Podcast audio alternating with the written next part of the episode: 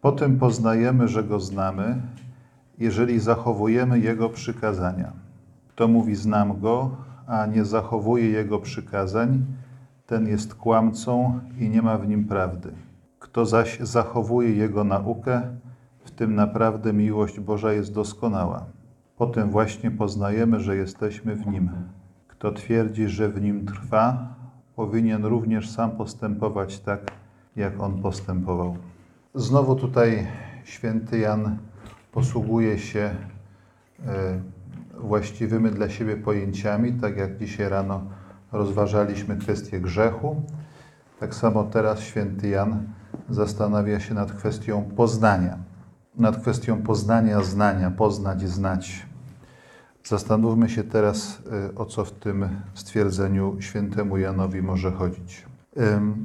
Ten czasownik znać jest wprost przeciwny temu, cośmy opisywali sobie jako mniemanie, jako ten skutek grzechu pierworodnego, czyli tego faktu, że y, jesteśmy w niewiedzy, że bardzo wielu rzeczy nie wiemy co do siebie, co do Pana Boga, co do innych ludzi.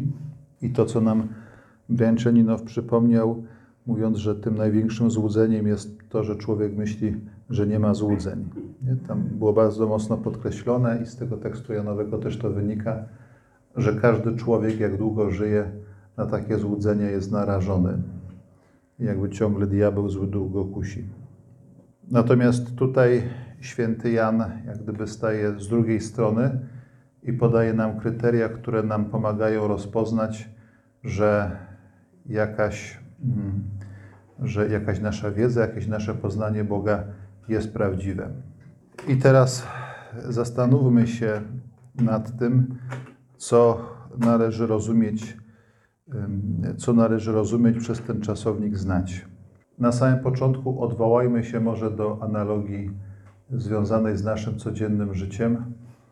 Jak dobrze wiemy, mówimy o tym, że kogoś znamy w bardzo różnorodnym sensie tego słowa. Nie? Będzie ktoś przychodził regularnie do kościoła i go tam zobaczymy w tym kościele raz czy drugi. Nie? Możemy powiedzieć, że tę osobę znamy, bo znamy ją z widzenia, że w jakiś sposób nam się tam pojawia. Może ktoś być naszym znajomym z lat szkolnych i też możemy powiedzieć, że go znamy. Możemy z kimś spędzić całe życie, czy w klasztorze na przykład, tam jak ludzie żyją w życiu małżeńskim. I tutaj też używamy tego samego czasownika znać. Ale jednak sami widzimy, że pomimo tego, że ten sam jest czasownik, to jednak rzeczywistość, którą on opisuje, jest niezwykle zróżnicowana, że mówimy, używamy tego samego słowa, ale za każdym razem znaczy ono co innego, analogicznie jak w przypadku grzechu.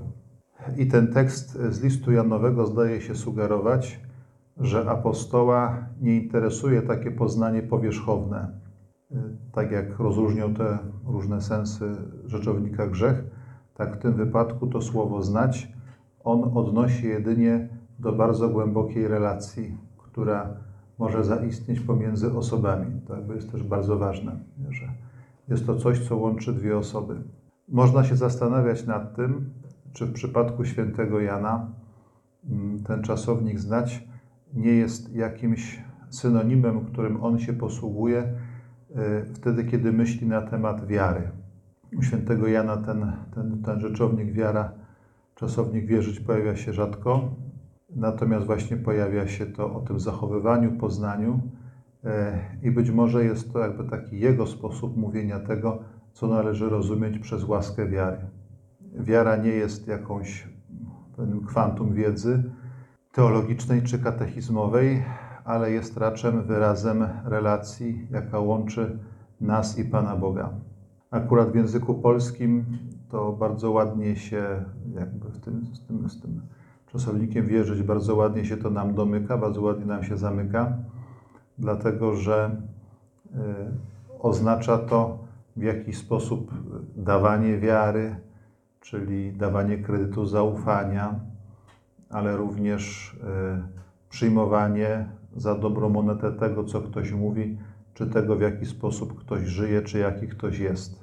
I to bardzo dobrze odnosi się do naszych relacji z Panem Bogiem.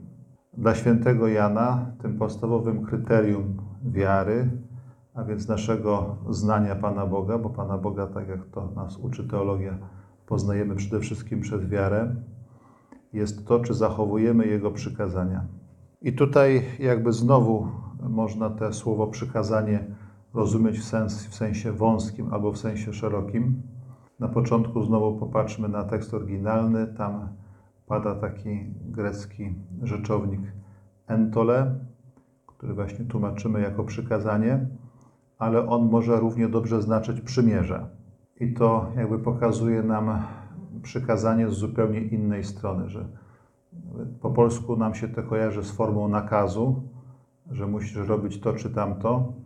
Natomiast Biblia zdaje się raczej sugerować, że przykazanie, że przykazanie raczej jest rodzajem e, umowy, która istnieje pomiędzy człowiekiem a Panem Bogiem. Czyli Pan Bóg czegoś się domaga i w zamian za, co, w zamian za to coś obiecuje. Człowiek się do czegoś zobowiązuje i w związku z tym czegoś od Pana Boga oczekuje. Rodzaj umowy, przymierze. E, pamiętajmy też o tym, że przykazania, one się w sposób ścisły wiążą z żydowskim prawem, z Torą. I tu znowu jakby trzeba dokonać takiego pewnego przewartościowania, dlatego że nam słowo prawo właśnie kojarzy się głównie z przepisami. A jak weźmiemy pięcioksiąg, czyli właśnie to, co Żydzi określają mianem prawa, to tych przepisów tam się troszeczkę znajdzie, ale znowu nie aż tak dużo. Natomiast to, co jest głównym tematem pięcioksięgu, to jest opis spotkania człowieka z Bogiem. Od samego początku, od stworzenia świata, aż po te przepisy, te nakazy czy te, te nauki, które Mojżesz mówił do Izraelitów przed wejściem do ziemi obiecanej.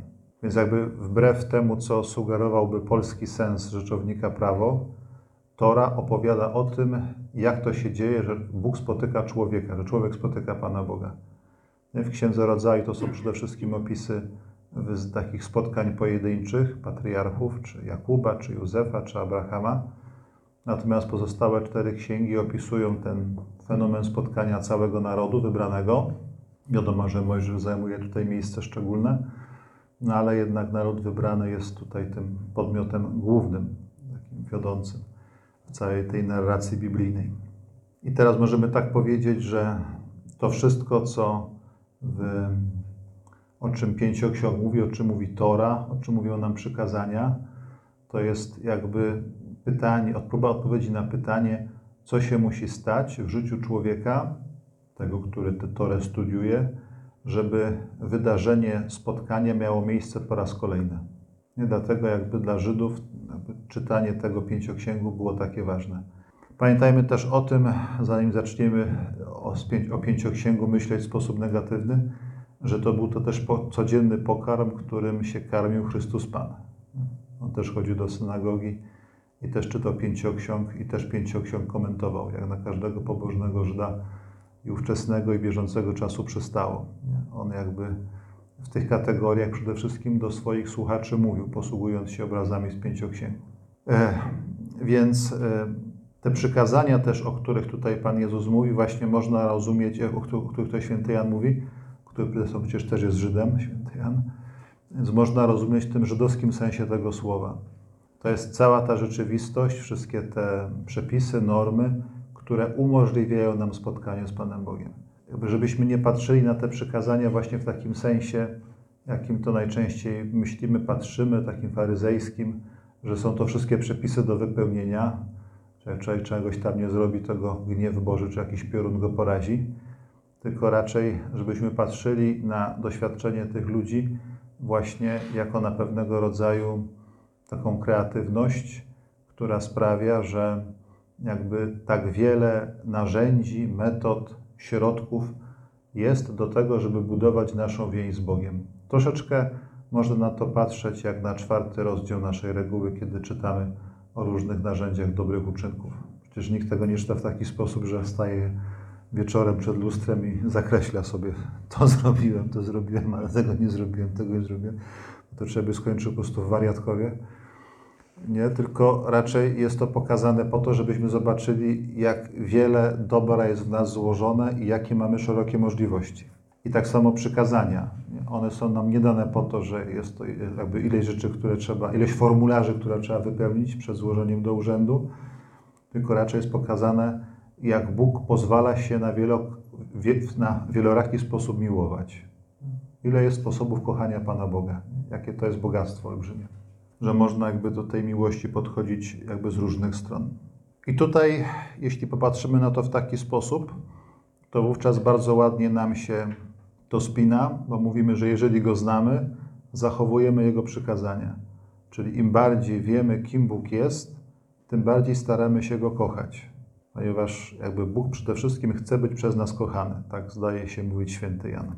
Bóg chce być przez nas kochany. Nie? I jakby to też to doświadczenie, o którym tam kiedyś żeśmy już o tym mówili, co, co czytamy też u, u Jana od Krzyża, nie? kiedy Jan od Krzyża mówi, że jedyną zapłatą za miłość jest miłość, że, że nie, ma, nie, ma innej, nie ma innej formy zapłaty. Bóg, który jest miłością i który pokochał nas jako pierwszy, niczego innego od nas nie oczekuje. Trochę też o tym mówiliśmy wtedy, kiedy mówiliśmy o tych, o tych aktach miłości, o tym przechodzeniu właśnie w światłości, żeby nie żyć w ciemności. To jest właśnie ciągle święty Jan o tym mówi, tylko jakby w troszeczkę inny sposób. Um, oczywiście tutaj zawsze też istnieje niebezpieczeństwo, że możemy dopuszczać się pewnego rodzaju terroryzmu, czyli jakby kochania ludzi na własny, według własnego pomysłu, że jakby tak jak nam się wydaje, że to jest najlepsze, podczas gdy, kiedy myślimy o wypełnianiu tego przykazania, to zawsze trzeba brać pod uwagę drugą osobę. A nawet jeśli żyjemy we wspólnocie, to trzeba patrzeć szerzej, trzeba patrzeć i brać pod uwagę całą wspólnotę. Dlatego święty Benedykt tak bardzo w regule napomina, kiedy mówi o tym, żeby nie kochać jednego bardziej od drugiego, tylko jakby, żeby jednakową miłość okazywać wszystkim ludziom, wszystkim, którzy mieszkają w klasztorze, po to, żeby nie tworzyć jakichś partykularyzmów i żeby, było niepotrzebne, nie, żeby nie było niepotrzebnego powodu do zazdrości. Nie? Czyli jakby, jakby to jest tym pierwszym warunkiem miłowania, nie? czyli patrzymy w sposób szeroki na całą wspólnotę, tak żeby był pokój i żeby nikt nie czuł się, żeby nikt w jakiś sposób nie był z tej miłości, żeby nikt nie był ktoś z miłości wykluczony. Więc to jest jak gdyby pierwsze takie, takie właśnie szerokie spojrzenie. Ale możemy też pomyśleć o tym, że to przekazanie, o którym pisze święty Jan, ono w naturalny sposób wiąże się z tym, co w teologii Janowej jest nazywane przykazaniem. Zresztą potem w dalszym ciągu drugiego rozdziału będzie o tym mowa. Mianowicie, że chodzi o przykazanie miłości z ostatniej wieczerzy. Nie? W teologii Janowej, zwłaszcza w jego teologii Eucharystii, to jest jakby bardzo mocno podkreślane, nie? że aby synoptycy, kiedy opisują ostatnią wieczerzę, w centrum stawiają opis ustanowienia Eucharystii. Jak pamiętamy u świętego Jana tego opisu Eucharystii nie ma. Nie? To trzeba ostatnią wieczerzę trzeba czytać łącznie z szóstym rozdziałem Ewangelii Janowej, tam gdzie jest katecheza na temat chleba życia i ciągle to powtarzające się wezwanie do miłości, do miłowania wraz z modlitwą arcykapłańską, w której Jezus mówi o tym, że wydaje w ofierze samego siebie. Żeby to jest taki janowy sposób patrzenia na sakrament Eucharystii jako na sakrament miłości. E, I kiedy święty Jan, jakby, gdybyśmy właśnie patrzyli na to w taki wąski sposób, no to moglibyśmy powiedzieć tak, że o tyle znamy Boga, o ile kochamy wspólnotę, w której żyjemy.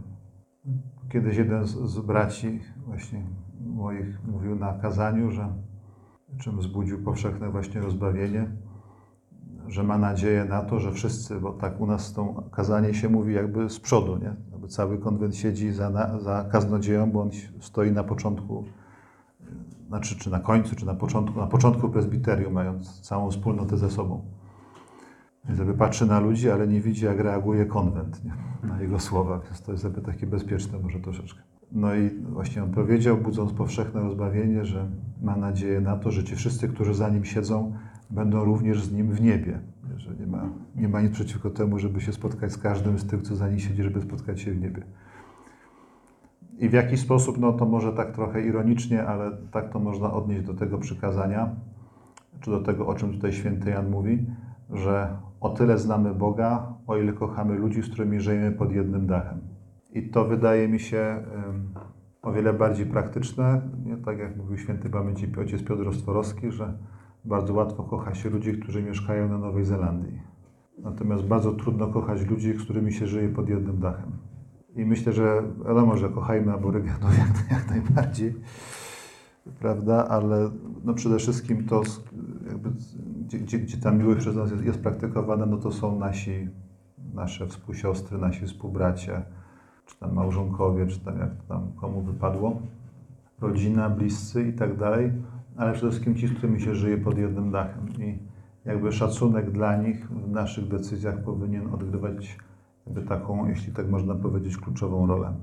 Dla świętego Jana to jest bardzo ważne i tak można się zastanowić nad tym, ponieważ jak pamiętamy, tutaj znowu wrócę do biografii Jana, on kiedy pisze te słowa jest już starszym człowiekiem, można powiedzieć po prostu, że ma mniej siły, nie? Już nie ma siły się kłócić, to ktoś mógł tak złośliwie powiedzieć ale pamiętamy, że on jako młodzieniec był osobą bardzo gwałtowną, taką bezkompromisową, jak świadczy o tym jego przydomek, który otrzymał od Chrystusa Pana, on i Jakub, Boanerges, czyli synowie gromu. Jak pamiętamy, kiedy to Łukasz opisuje, prawda, jak szli, przechodzili przez wioskę samarytańską i nie chcieli ich przyjąć, nie? I Jan z Jakubem chcieli zrzucać na nich ogień z nieba. Nie? Więc jakby święty Jan czy tam awanturował się o miejsce po prawej i lewej stronie, nie? Razem ze swoją mamą tam próbowali sobie załatwić lepsze miejscówki w niebie. Więc jakby święty Jan też do tej takiej łagodności, takiej miłości też dojrzewał, nie? On się taki nie urodził, nawet wręcz przeciwnie, był jakby odwrotnością takiej, takiego, takiego otwarcia i takiej słodyczy, jaką zazwyczaj go, z jaką zazwyczaj go kojarzymy.